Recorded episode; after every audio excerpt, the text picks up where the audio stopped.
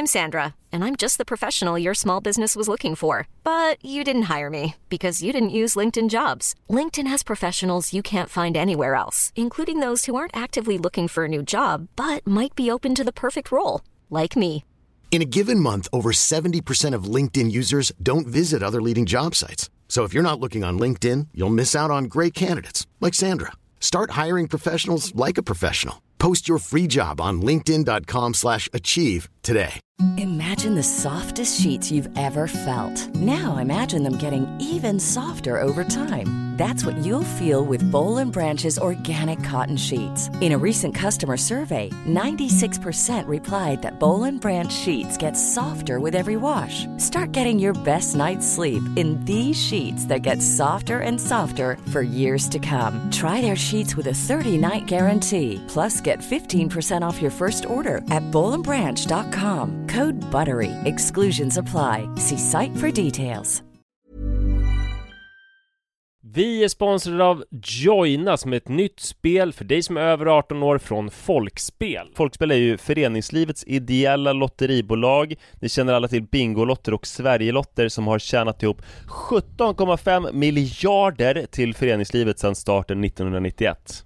Ja, och är det någonting som jag älskar med föreningslivet så är det ju att eh, det ger upphov till liksom fysisk aktivitet och härliga upplevelser för mina barn. Det som är mindre eh, positivt är ju alla dessa högar med olika saker som man förväntas göra som föreningsförälder. Eh, jag vet inte hur många gånger jag har haft olika typer av lotter, tidningar eller andra grejer som ligger hemma och som jag tappar bort och som sen ska säljas. Det är godis, det är bullar, det är, ja, det är som sagt lotter och sen så slutar det alltid med att jag får hosta upp själv ur egen ficka för att jag har tappat bort allting och det blir ett himla krångel och meck. Och det här kanske säger mer om mig än om själva eh, den här verksamheten, men det är i alla fall ett problem för mig. Därför så älskar jag tanken på eh, joina, eh, eller vad säger du Manne? Ja, det här är alltså ett lotteri där man signar upp sig på, eh, på, på en prenumeration eh, där man har chansen att vinna varje vecka. Så föreningsbarnet då eller föräldern säljer en prenumeration till någon och varje månad då så tjänar föreningen pengar. Eh, väldigt, väldigt smidigt och man behöver inte hantera några fysiska pengar eller något sånt. Och det är också såklart ett kul spel som man dock såklart måste vara över 18 år för att spela. Så om du eller din förening vill veta mer så gå in på folkspel.se joina med y och läs mer om det här smarta. Ja, det ska jag verkligen göra exakt just nu. Tack så mycket Joina. Vi är sponsrade av Länsförsäkringar. Det är vi. Eh, Jag har ju ett eh, problem i livet och det är ju att jag eh, rent ekonomiskt är något av en fuck-up. Jag både tjänar för lite pengar och jag gör av med för mycket pengar. Och jag, det finns ingen framförhållning, det finns inget sparande till mig själv, det finns ingen pensionsgrej som så många eh, som lyssnar skulle sätta eh, kaffet i, i vrångstrupen eh, när de förstår Ja, de gör det nu. Ja, när de förstår hur illa ställt det faktiskt är. Däremot så har jag lovat mig själv att jag ska inte låta den här ekonomiska fuck-uppigheten, som jag kallar den, föras över på mina barn. Eh, this ends now, har jag sagt. Och drag, dragit ett streck i eh, marken Bra. med kolkrita. Eh, tatuerat in ett streck har jag gjort. Eh, och därför så sparar jag till barnen varje månad. Och vi har ett system, jag och Li, att Li sätter in pengar på ett konto varje månad och jag sätter in pengar på ett annat konto varje månad. Livet är föränderligt, löften bryts, men Länsförsäkringar finns där för alltid och kan hjälpa till, då bland annat med Barnspar. Vi tackar Länsförsäkringar för att ni hjälper Nisse och andra att hålla sina löften. Och eh, glöm då inte att Länsförsäkringar kan alltså hjälpa dig med bank, pension och försäkring. Tack så mycket!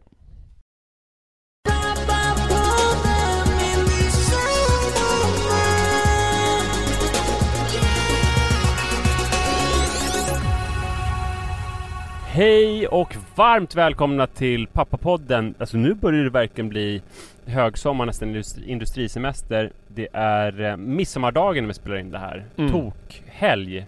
Ja. Ehm, och vädret är därefter höll jag på att säga, men då, det implicerar ju att det skulle vara 8 grader och regn. Vilket i och för sig var i Åre igår. Men eh, i Stockholmstrakten är det betydligt varmare än så. Eh, Ska vi eh, lite snabbt eh, redogöra för dina förehavanden igår? Blev det en tokfylla och svartsjukedraman och liksom otrohetsaffärer? Att du låg med tjejer vid strandbrynet, barnen stod och grät och kollade på och eh, någon annan pappa spöade upp någon efter noter? Alltså sån här klassisk eh, Ungefär så. midsommar- Klassisk midsommarfest med andra ord. Ja, verkligen. Nej men det var... ehm, Eh, det, vi var i eh, Värmdö, eller Lillsved ute i havsbandet eh, på, i, på ett torp där som vi, det var firat förut med goda vänner och eh, det var ganska så här litet firande. Nu är, även om det bara är tre familjer så, blir, så är det ju liksom tusen barn som det var nu i olika åldrar. Det är också speciellt att folks barn nu mera är liksom 16 år och har basröst och sådär. Just det. Det, Så- så var det inte förr. Så det kanske var då var där otrohetsdramana försiggick i, Nej, i inte det, förråda. heller. Ja, men Nej. kanske liksom hemliga tankar om den här snygga 16-åringen. Nej, det enda som man ska hitta något drama var väl att det var en tomt som var så otroligt svår för Adrian. Aha. För att det var en naturtomt, höll jag på att säga. Det är väl alla tomter. Den, den liksom sluttade kraftigt. Jag tror att man säger naturtomt. Alltså när det, Ja. ja. det är ju ett vedertaget begrepp. Alltså att det är en... Jo men naturtomt är väl att den inte är tuktad. Eh, Ja. att, det, att det inte är eh, liksom anlagt och sådär. Det var det i och för sig, för det var en gräsmatta som sluttade väldigt kraftigt och sen så var det hästmyror överallt. Mm. Så att jag var skitnervös att, alltså Adrian Nu ska vi se, liksom hästmyror, vilka är det utav dem? Ja men det vet jag inte. Det stora myror som var svarta och röda och bets. Men det är väl skogsmyror? Skogsmyror är väl de svarta, små? Är det? Ja, skitsamma. Jag, jag fattar vad du Det menar finns för nog myror i alla fall. jättemånga sorts myror. Det här Mm. var stora svartröda bita, bit, bitande myror Mm. och de var prick exakt överallt. Så att eh, det var svårt för liksom Adrian att hitta någon slags ro. Vi tog fram en vattenbalja till honom. Det var ju också ganska torrt i gräset vilket gjorde att den väldigt snabbt blev helt full av skräp och han ville leka med, eller plaska i eh, byttan som vi hade till öl och sånt istället. Mm. Ehm, och jag tyckte att det var, kändes liksom lite oharmoniskt med Adrian. Eh, och när jag sa det till Sara sen så höll hon inte med. Det var väl den Okej. enda dramatiken liksom, att hon tyckte att jag var hård mot Adrian som, tyckte, som gav honom underbetyg till den dagen och kvällen då på midsommar. Det, var ju, det var ju ett ganska snällt drama om man jämför med det scenario som jag målade upp. Ja verkligen. Du då? Jo men jag hade det bra, men det, det var jättemysigt. Men jag blev lite så här sur eftersmak för att jag var ju på Nyhetsmorgon på morgonen. Mm. Och då hade jag liksom, fick vi en fråga från en eh, eh, kvinna som skulle vara ensam och hade lite ångest över liksom midsommar, att det skulle vara ensamt sådär. Eh, och då hade jag tänkt ut ett skitsmart svar tänkte jag. Alltså att det handlade om att nu handlar det bara om att överleva dagen, alltså inte logga in på typ sociala medier och jämförs med alla andra. Men sen så i fortsättningen eh, försöka planera sådana här helger om man nu är liksom, man vet med sig att, att nu är det många par som är hit och dit och man har massa grejer. Eh, för att jag hade precis hos min terapeut eh, kommit fram till att ett steg i min liksom utveckling och att kunna vara ensam var att jag vecka 27 när jag är ledig utan barnen inte ska planera så mycket och inte ha så mycket liksom ångest över vad som ska hända utan liksom försöka se det som det kommer och ta det som det kommer och vara lite i nuet så att säga. Men Mm. att vi kom fram till att jag skulle planera midsommaren eh, noggrant för att jag inte skulle liksom hamna i något sånt eh, litet trauma. Och då tänkte jag så här, nu är jag nöjd med mitt svar. Men då ställde Steffo en följdfråga. Alltså, du vad- copy-pastade egentligen terapeutens svar då?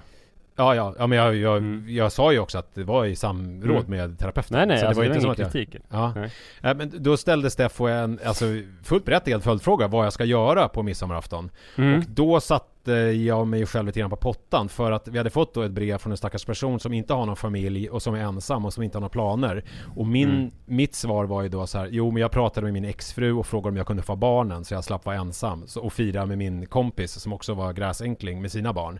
Så då blev det ju som att jag Eh, alltså att jag först typ såhär, jag förstår precis hur du känner dig, det är skitjobbigt och inte ha några planer att vara ensam och sen så bara Ja du kan ju alltid, du kan alltid ringa efter dina barn och typ vara med dem och vara med din familj och de som älskar dig. Så att det kändes då Då Ja, kände det jag mig helt plötsligt ganska många grader i helvetet då om, om det är ett helvete du befinner dig i. Ja, alltså det var liksom Så att då, då, Jag hade liksom inte Men tänkt vad sa Steffe om det då? Nej men då började de ju, då började de ju lite grann nästan skratta åt mig och bara säga ja men nu kanske inte det var ett alternativ för henne och då kände jag mig jättedum Och eh, så tog jag faktiskt fram ett rakblad och skar mig i handleden eh, i, framför tv-kameran. Och det blev en del uppmärksamhet kring det där.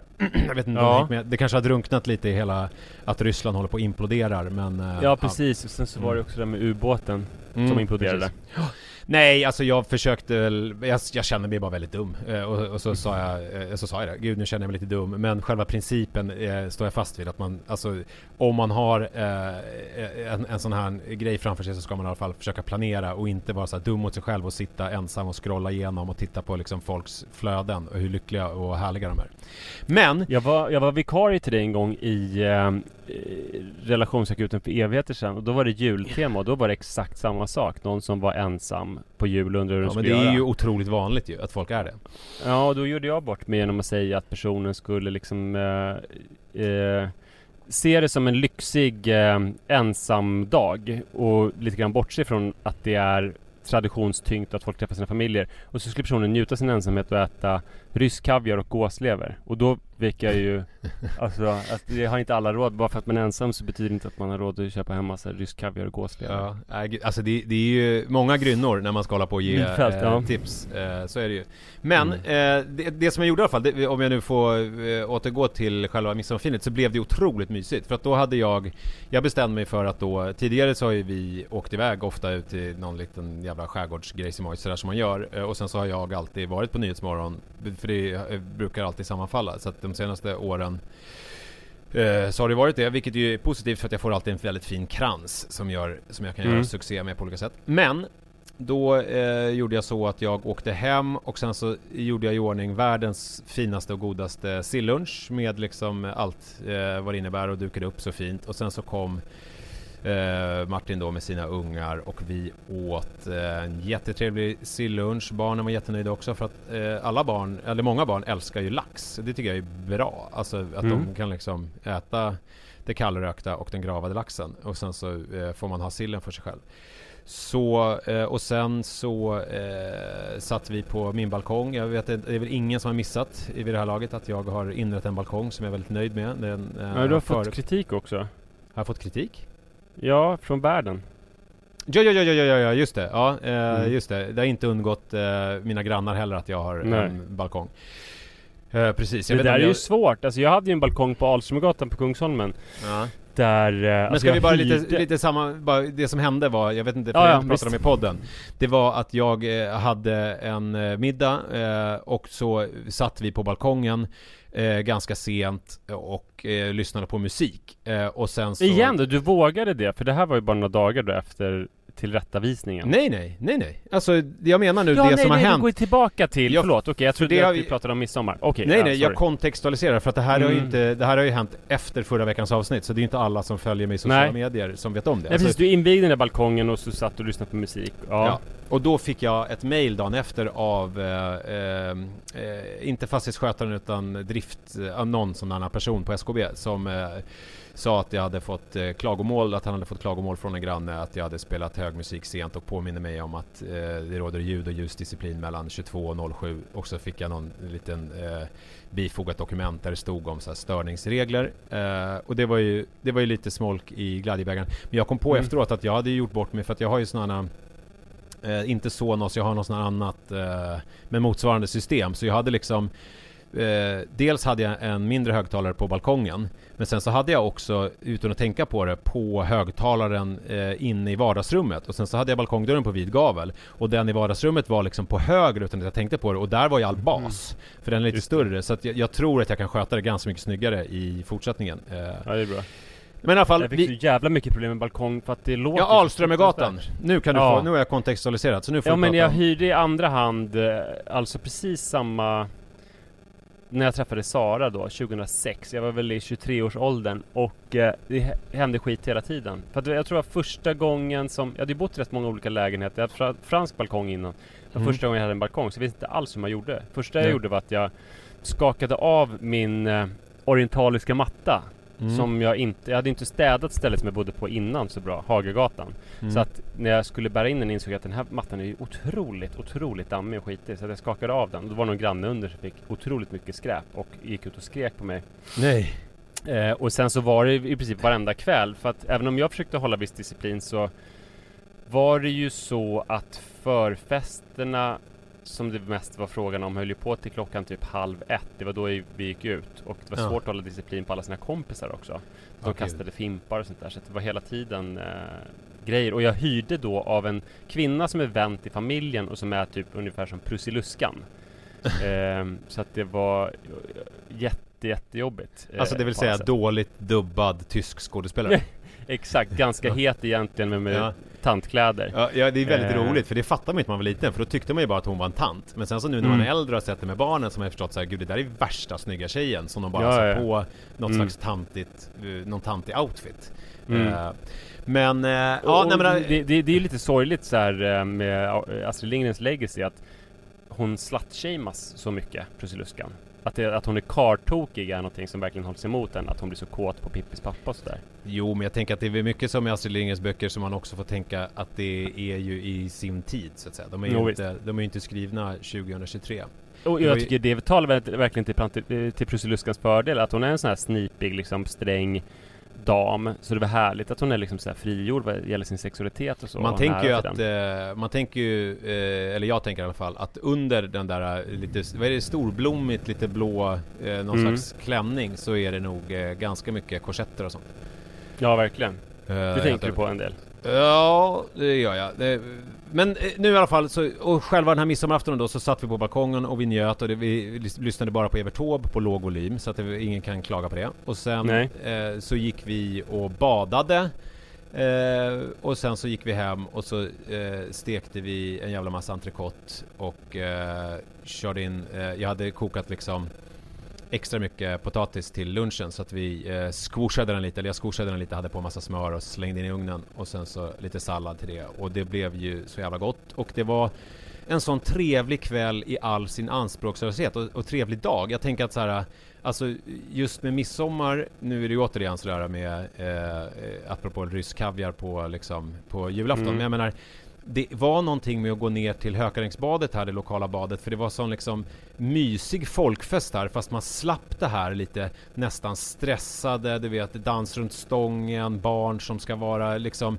det var väldigt avslappnat och liksom eh, mysigt. Det var liksom som, det var ett firande i min smak. Att man liksom firar in sommaren och det är liksom det här solen och ljuset. Men man behöver inte liksom hålla på. För jag har ju väldigt svårt för liksom ringdans och så här små grodorna och sånt där. Och det, det, det är ju liksom inte riktigt. Varför det då? Jag tycker bara att det är, alltså jag- varför det är så vet jag inte men jag tycker bara att det är så fruktansvärt tråkigt. Alltså det är typ det tråkigaste jag vet att stå och hålla liksom okända personer i hand och kolla på och sjunga och snurra. Ja, det, det är jävligt stelt att hålla okända personer i hand, men jag tycker ändå Bosse Larsson, jag gör det ju mest kanske i juletid. Då eh, tycker jag det är oundgängligt att dansa runt granen. Eh, till Ja men då gör du Larsson. väl lite hemma, eller hur? Lite sådär mysigt. Ja, ja, ja, jag gör inte Ja. med en massa främlingar. Nej, Nej, men det, och nej, det har jag inte gjort på midsommar heller. Mm, ja men det har ju, det, så har det ju varit för oss de senaste åren att man har liksom, du vet man har suttit och haft en trevlig sillunch och sen så typ Ja. såhär, så ska man bryta upp Nu kunde ju vi sitta, jag och Martin satt ju ganska länge på balkongen och så här, men nu går vi och tar ett dopp. Det var liksom ingen stress för att det var någonting som skulle börja en viss tid och man liksom hålla på och sen något sprucket högtalssystem och sen så är det massa människor och sådär. Och mina barn har heller aldrig riktigt uppskattat det så att det har inte varit så här heller att man har känner att så här, vi gör det för barnens skull. Eh, nej men Bra. sen, eh, sen eh, så eh, drog Martin hem och barnen stannade kvar och hade någon slags övernattningsgrejs i Mojs och jag satt, nu får du inte bli arg, men det var ju ändå midsommarafton. Jag satt och drack en, en hel del bourbon för mig själv på balkongen och Mm. vid ett så tyckte jag att det var en bra idé att hyra Lawrence of Arabia. För jag Mhm. kom på att jag inte hade sett den. Den klassiska 60-talsfilmen med Anthony Och då hade du Quinn. fyra barn hemma? Ja, de sov väl då. I alla Ja. fall, ja det gjorde de ju. Alltså, det, eller jag vet inte vad som hände i liksom det stod... Jojo hade ju som, han somnade, det var jättemysigt. Han somnade bredvid mig i soffan på balkongen med, under en Mm. filt med en kudde. Eh, så honom har jag burit in i sängen. Men de stora barnen hade liksom stängt in sig i mannens rum och jag, ja, de, de skötte sig själva. Men, eh, eh, nej men och så att jag, då började jag kolla på den och slocknade ju som en sten såklart. Så att, eh, såg också, vilket också var lite positivt dagen efter, att jag inte hade hyrt den utan jag hade faktiskt köpt den. Eh, av någon anledning. Så att nu kan jag fortfarande se klart den. Eh, trots att Du kan se den hur många gånger du vill. Ja, så att det var liksom, eh, det var min eh, midsommar. Den var, ja men jag måste säga att den får ändå, eh, ja jag ska säga, nej men fan den får ändå nio, för det var ju så perfekt väder och sådär också. Nio av tio midsommarstänger. Det är väldigt mycket. Du då? Vad, om du skulle ge din midsommarstänger? Det var ju lite jobbigt där med Adrian och naturtomten ja, kanske. nej men kanske eh, sju av tio då. En, men det en var ju högst habil midsommar. Ja.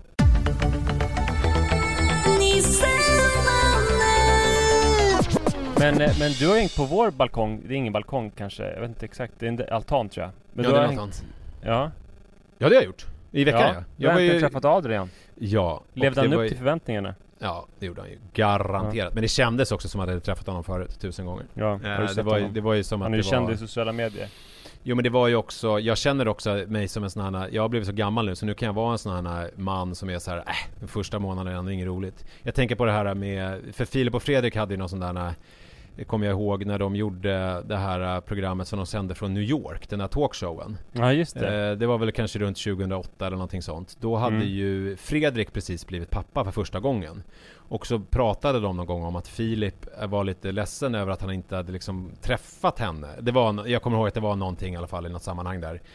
Eh, och då sa Fredrik lakoniskt så här, men vad fan det är ingenting att träffa i alla fall. Eh, har du sett en bebis har du sett alla. Eh, så att det- jag kan nu känna så här att, men nu ja, men du sa ju det redan eh, i augusti, Ja. när någon frågade.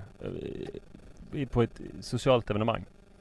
Ja, ja det är det är väl också ett sätt att så här, hålla ångesten borta från sig. Att man Ja. eh, anfaller bästa försvar. Men nu har jag i alla fall träffat honom och han var Ja, ju bedårande. Eh, Och han har ju också en otrolig eh, smak för mat. Speciellt eftersom han åt en, eller stoppade in en levande eh, liten sån här Ja. snäcka, alltså snigel i munnen. Eh, Ja, en trädgårdssnäcka tror jag de heter va? Ja, de här små, inte de här stora djur som vi är osäkra på vad de heter.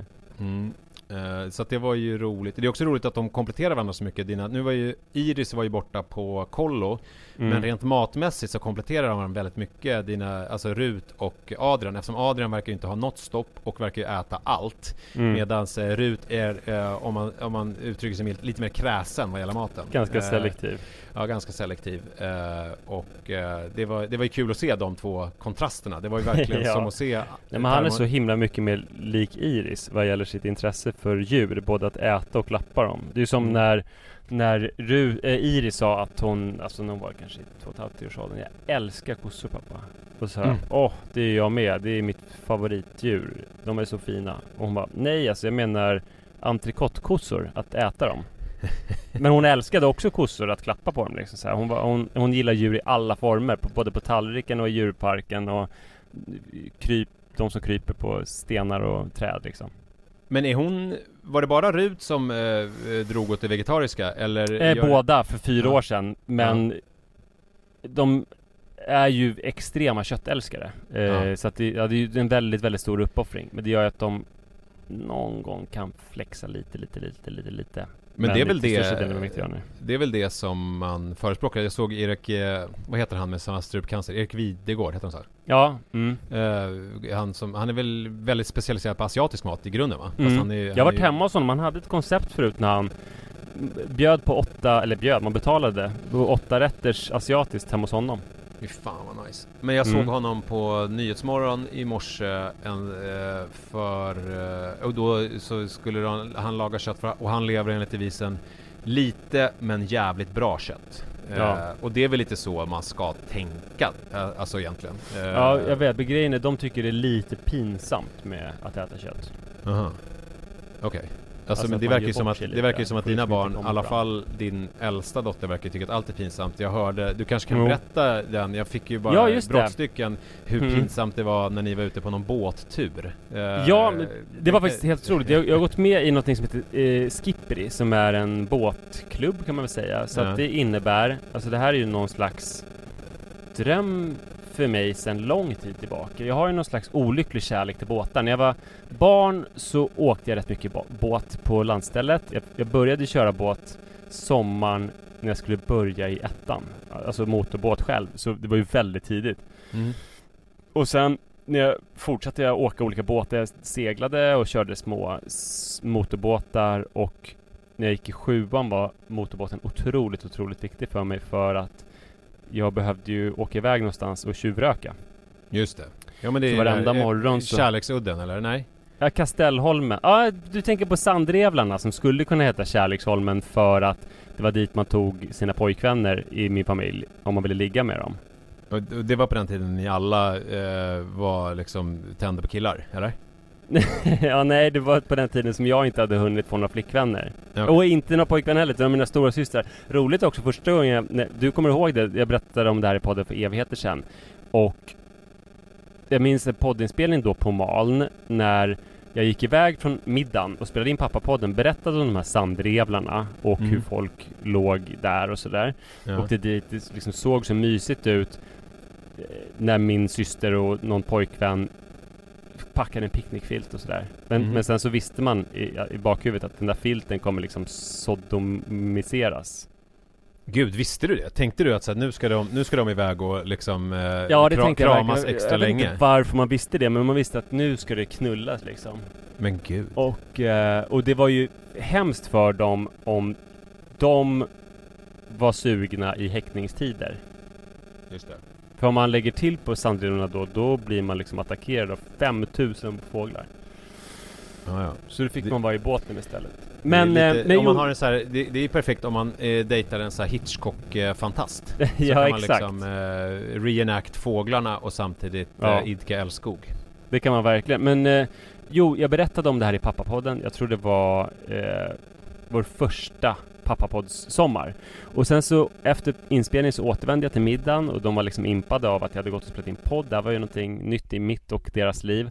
Och de frågade vad jag hade pratat om. Så sa jag att ja, men jag pratade om det här med att ni alltid brukade ligga med era killar på Sandrevlarna. Mm. Och jag pratade om det som att även de nuvarande pojkvännerna hade gjort det här. Ja, ja, ja, ja, Men det ja, hade för- för de, inte, så nej, de bara va? okej. Vadå? Vadå? Va? Och att det blev så här jävligt jobbigt för dem att tänka på, märkte jag. Ja, det kan Att jag verkligen tänka mig. Det blev dålig stämning.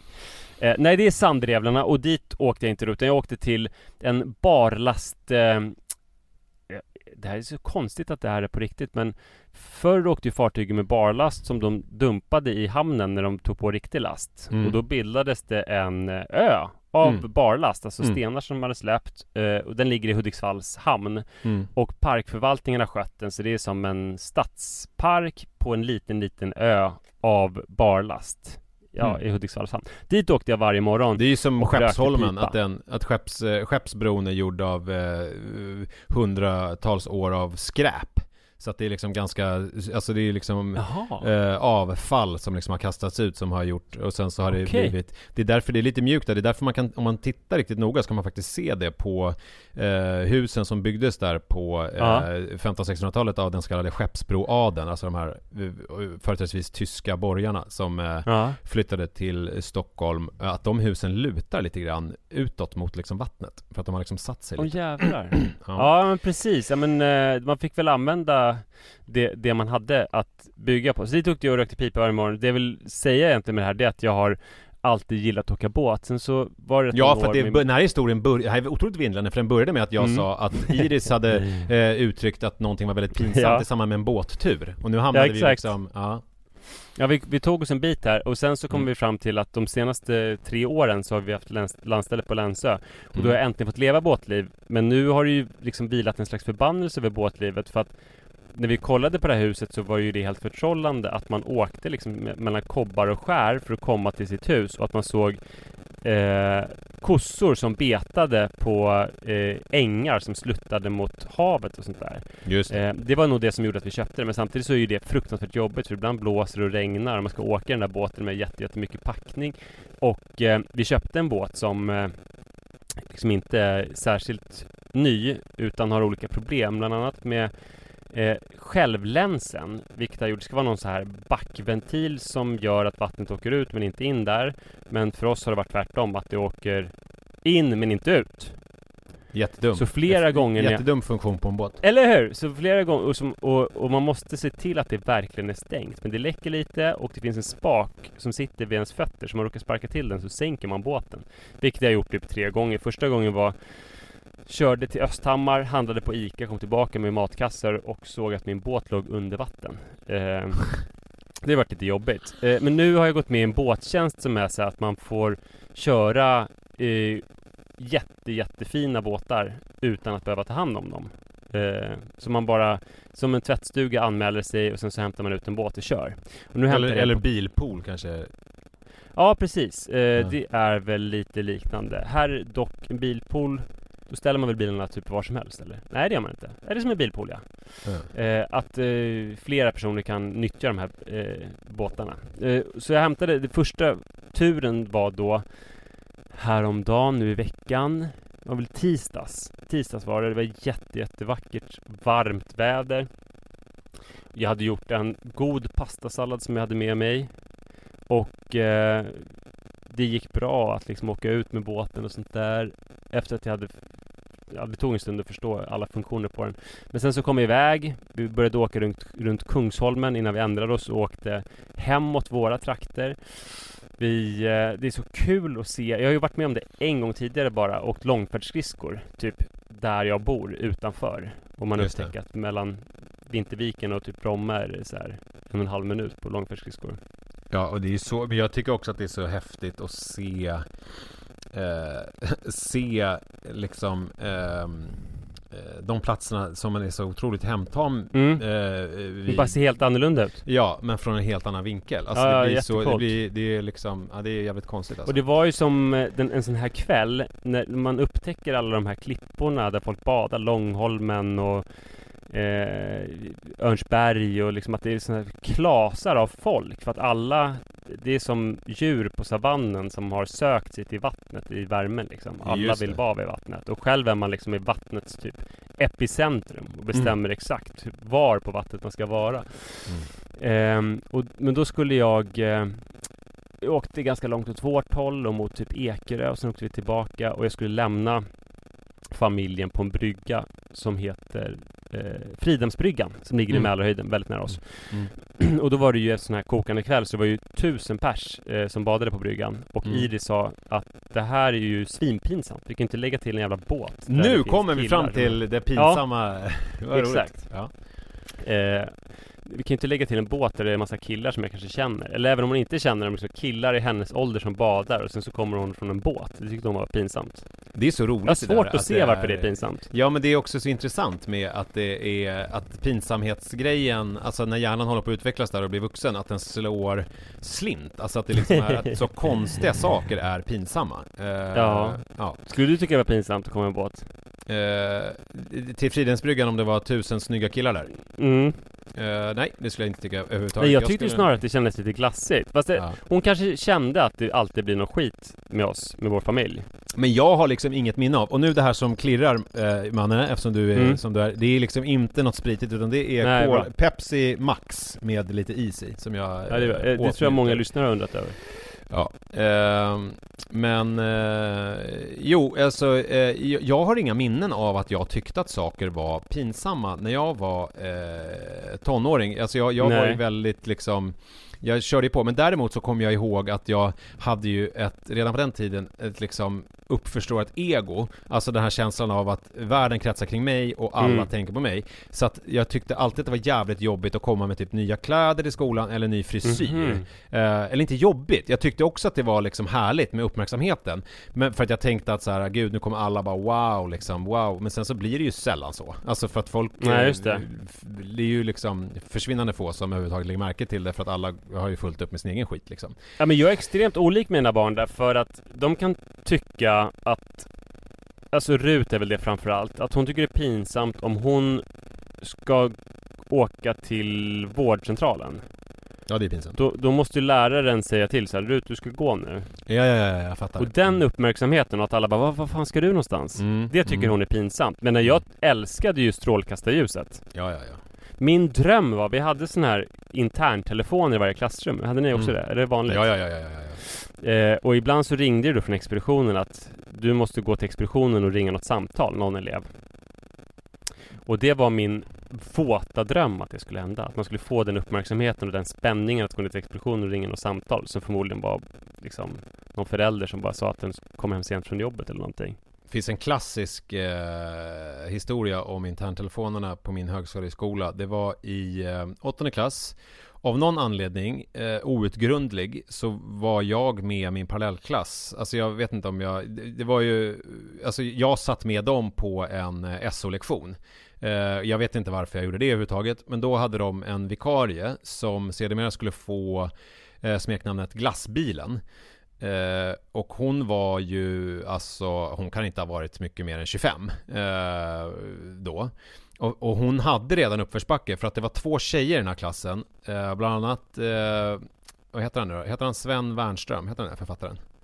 Ja, det låter väldigt bekant. Ja, hennes barnbarn. Alltså typiskt där snedtänkt person. Ja, hennes barnbarn eh, Anita som idag är gift med komikern Al Pitcher och har barn. Mm. Eh, hon och hennes kompis Anneli, eh, de var otroligt eh, brådmogna.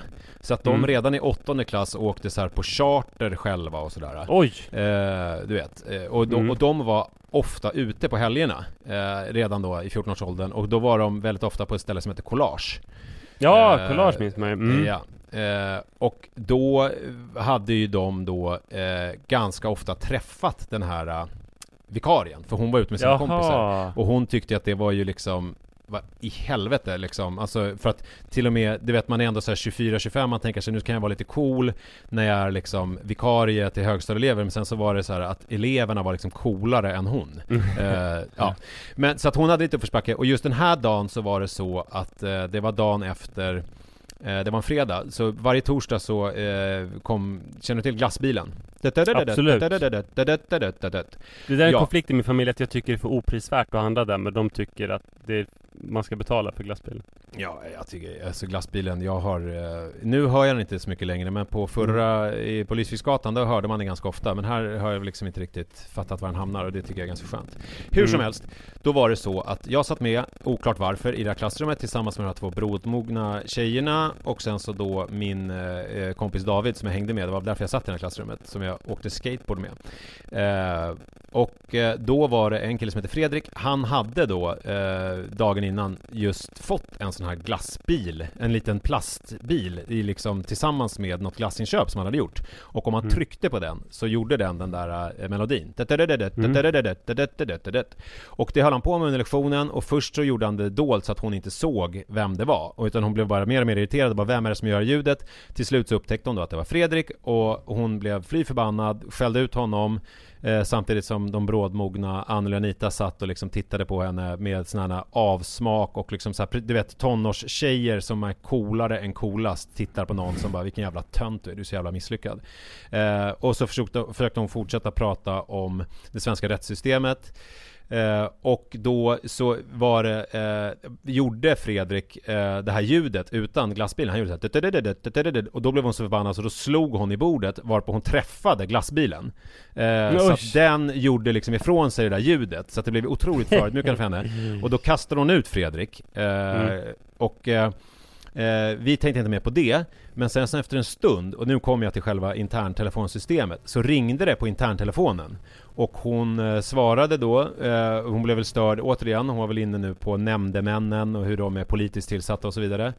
Eh, och så svarade hon i den här högtalartelefonen, och då, vad tror du hände då? Nej, du får berätta.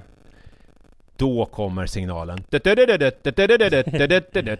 För att då hade Fredrik liksom snott med sig glassbilen på vägen ut och sen så gått in i ett annat klassrum som var tomt och ringt upp det här klassrummet och ja, förödmjukelsen var total och eh, lektionen eh, slutade med ett rejält haveri, haveri, där hon liksom bara satt uppgiven på stolen och vi fick läsa, läsa själva i våra böcker. Men vad sjukt ändå, ja alltså väldigt stark historia, men vad sjukt att, att hon är förloraren och Fredrik är någon slags vinnare här.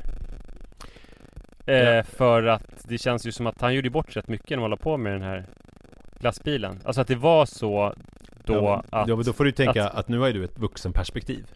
Ja, men att lärare typ och elever var typ fiender. Alltså att det var ett krig och då skulle man vinna. Mm. Det känns ja. som Fredrik borde ju så här, gud fan var du ju bort det Fredrik. Lägg ner.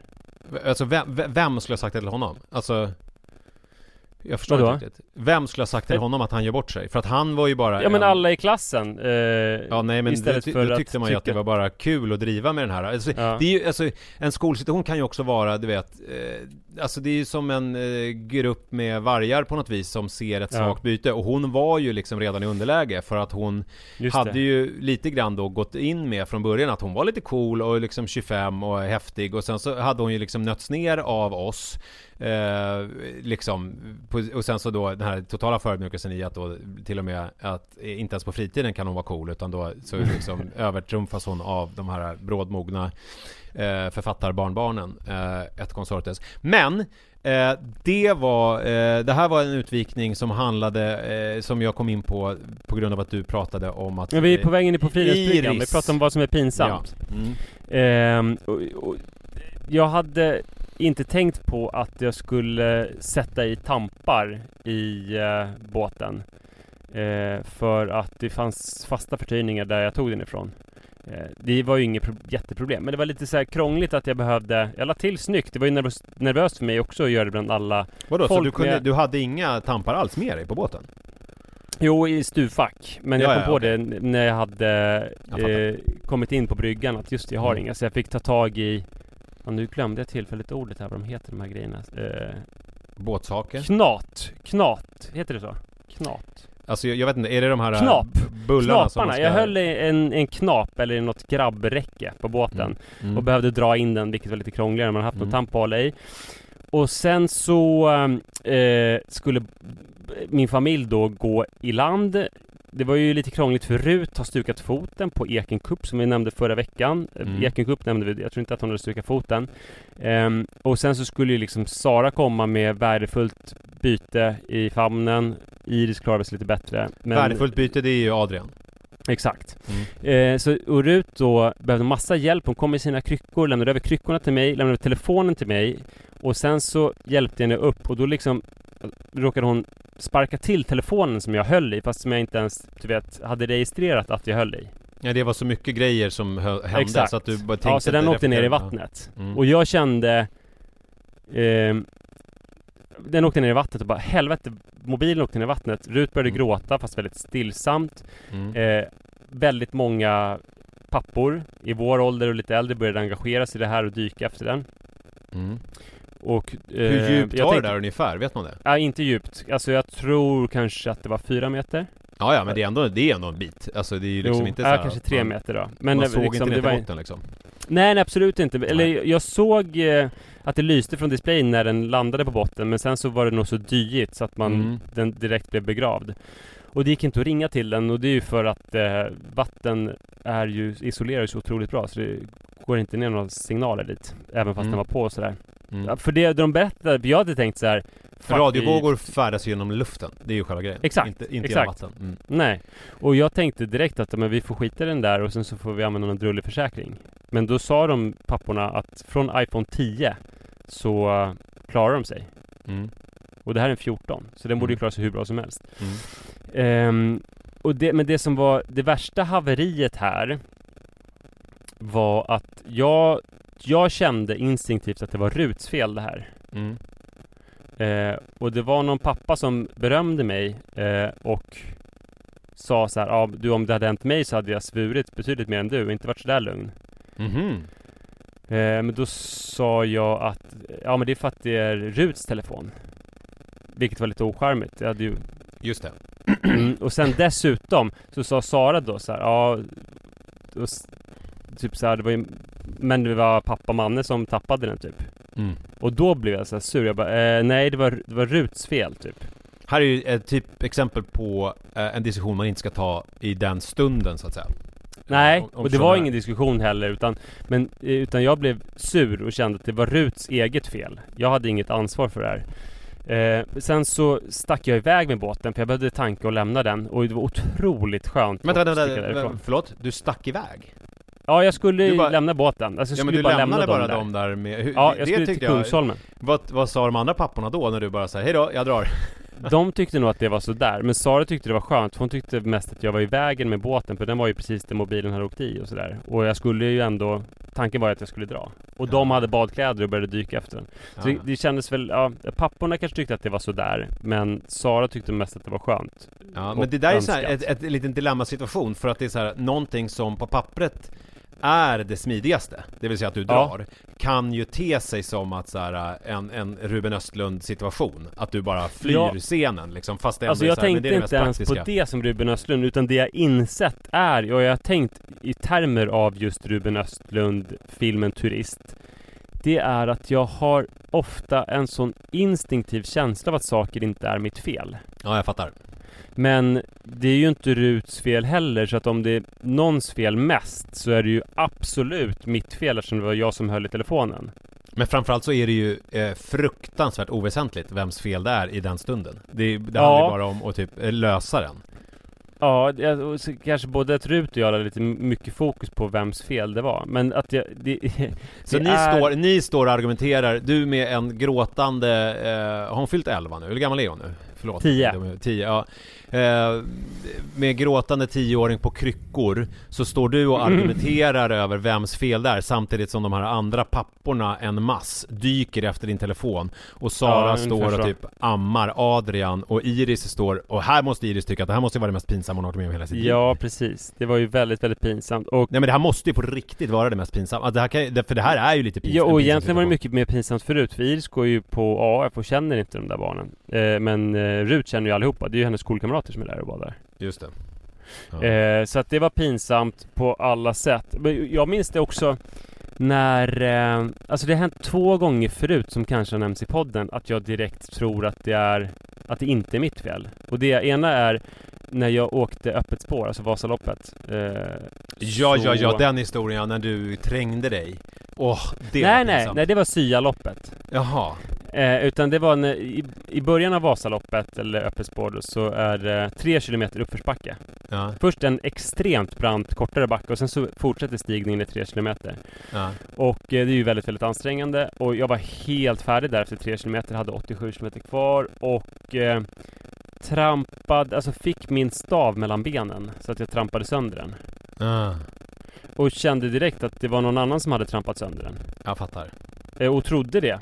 Eh, alltså trodde verkligen det och, och när jag träffade då Johan Olsson som var min tränare och som åkte med mig så sa jag att eh, någon trampade sönder min stav och sådär. Sen så här när pulsen hade lagt sig lite och jag hade 87 km att åka så bara började bilderna klarna lite och jag fattade att det var ju absolut jag som hade trampat sönder min egen stav. Ja, Också den här Men- historien när vi åkte från Duved med tåg, jag och barnen. Ja med mobiltelefonen. telefon. Exakt. Ja. Och eh, sen så hittade vi den i en papperskorg och det var inte papperskorg på platsen vi hade suttit. Nej. Så att jag och de på tågpersonalen som hjälpte mig lanserade teorin att någon måste ha velat sno den och ändrat sig. Ja. Men så inser jag att vi har suttit runt på lite olika platser och jag har rafsat ihop lite skräp precis innan vi kommer fram och slänger den. Så att det är otroligt mycket mer, vet ju fortfarande inte men jag misstänker mig själv. Det är Det är- mycket mer sannolikt att det är jag som har gjort det än att någon har försökt sno den men sen fått kalla fötter. Ja, intressant. Men okej, men hur slutade hela det här? Du åkte iväg och tankade och vad hände Ja. sen med eh, mobiltelefoner och med hustrur och, och barn och Nej men det gick of, oförskämt bra. Eh, Iris ringde mig och sa att eh, telefonen gick inte att hitta. Mhm. Det var ju Och inte sen- oförskämt bra. Nej men sen så var ju det ett skämt. Och hon var ju tvungen att ringa från sin telefon och säga att hon kunde inte ringa från Ruts telefon. För Ruts telefon funkade helt perfekt. Och Det, alltså de, den någon av de här eh, drömmiga papporna hittade den alltså? Ja, precis. Och det var, alltså, de var väl kvar någon minut längre. Och Sara Mm. som fortfarande var osäker på vad som hade hänt. Eh, det var någon kvinna som sa till henne att det var ju den där pappan som tappade den i vattnet. Typ så här, for the record. Så att hon fick veta det. Gud, ja fy fan vilken jävla... Men då hade jag redan insett liksom att så här, Rut kan inte klandras för att hon går på kryckor och lägger över telefonen i min hand och råkar stöta till den. Så Nej. jag, eh, på Saras Insta-story som hon la upp om den här händelsen Innan jag och Sara hade hunnit prata om det och jag hade hunnit komma hem så skrev jag så här att det var mitt fel Och det var något Men- tur Men jag måste, jag måste bara, jag måste bara föra till protokollet att jag tycker att det är så här, Mm. egentligen så är det ganska oväsentligt vems fucking fel det var. För att det var en otroligt stressig situation. Du hade inga Mm. tampar, det är kryckor, ni ska lägga till, de ska hoppa av. Det är ju så här, ett misstag händer. Jag tycker att här, Ja. det är inte som att jag tycker att om det här vore liksom Eh, alltså jag tycker inte att man behöver utreda det här vidare och eh, tillsätta någon typ av haverikommission och Nej, försöka reda ut vad som egentligen har hänt. Nej, Eh, men det är mer, nej. alltså det som jag vill komma åt är mer den här eh, Min den här känslan av att det inte är mitt fel Mm. Alltså för att det är ju det som är att vara pappa Fast vet du- Att men ens du- barn gör mindre nogräknade manövrar Jag har man tänkt på en grej med dig.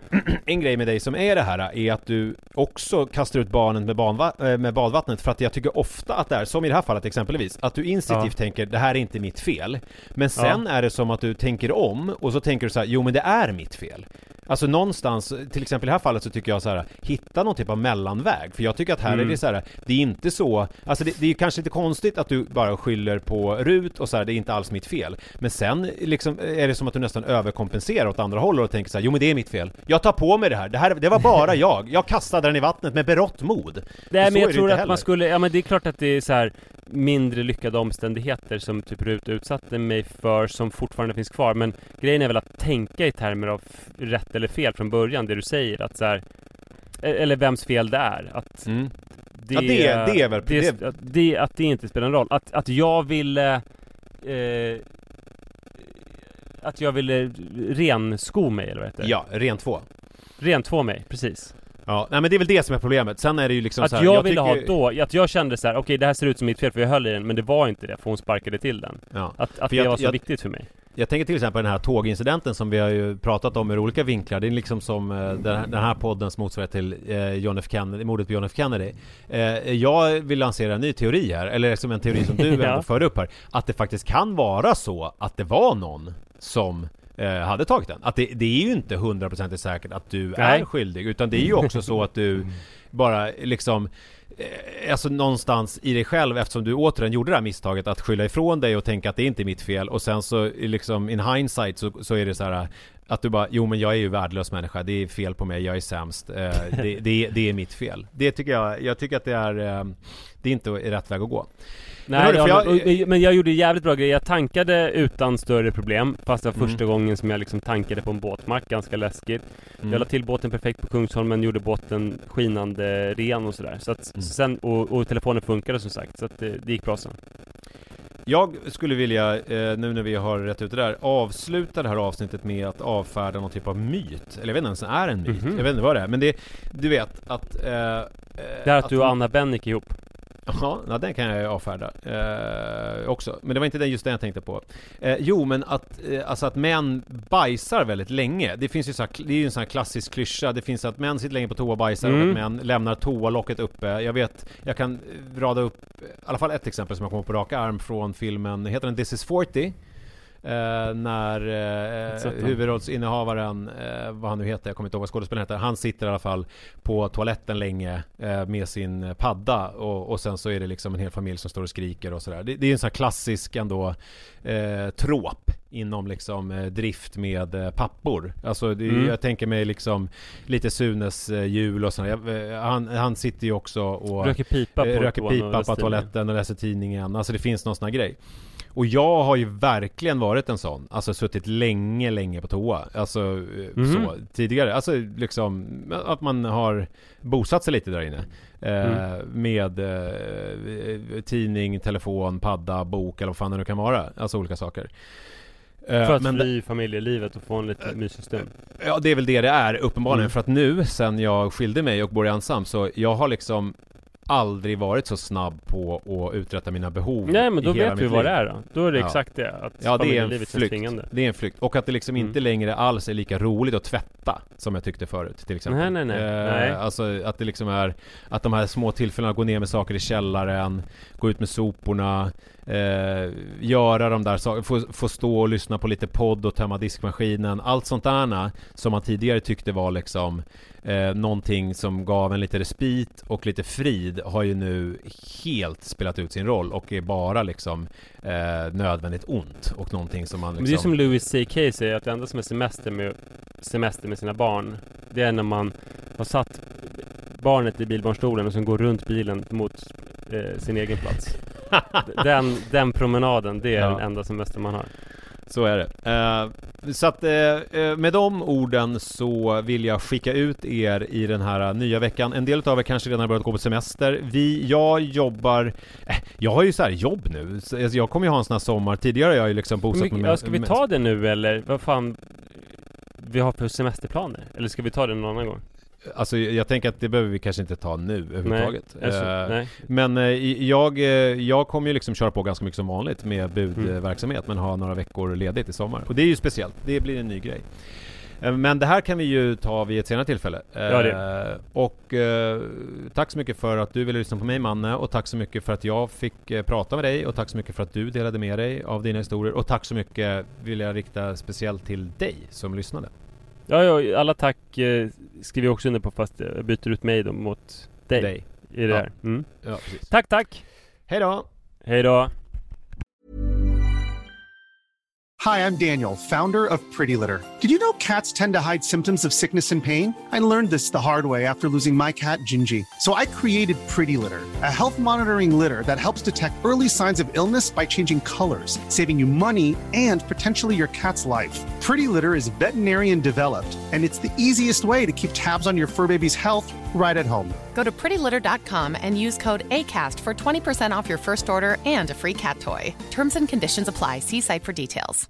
Imagine the softest sheets you've ever felt. Now imagine them getting even softer over time. That's what you'll feel with Bowl and Branch's organic cotton sheets. In a recent customer survey, 96% replied that Bowl and Branch sheets get softer with every wash. Start getting your best night's sleep in these sheets that get softer and softer for years to come. Try their sheets with a 30-night guarantee. Plus, get 15% off your first order at bowlandbranch.com. Code BUTTERY. Exclusions apply. See site for details.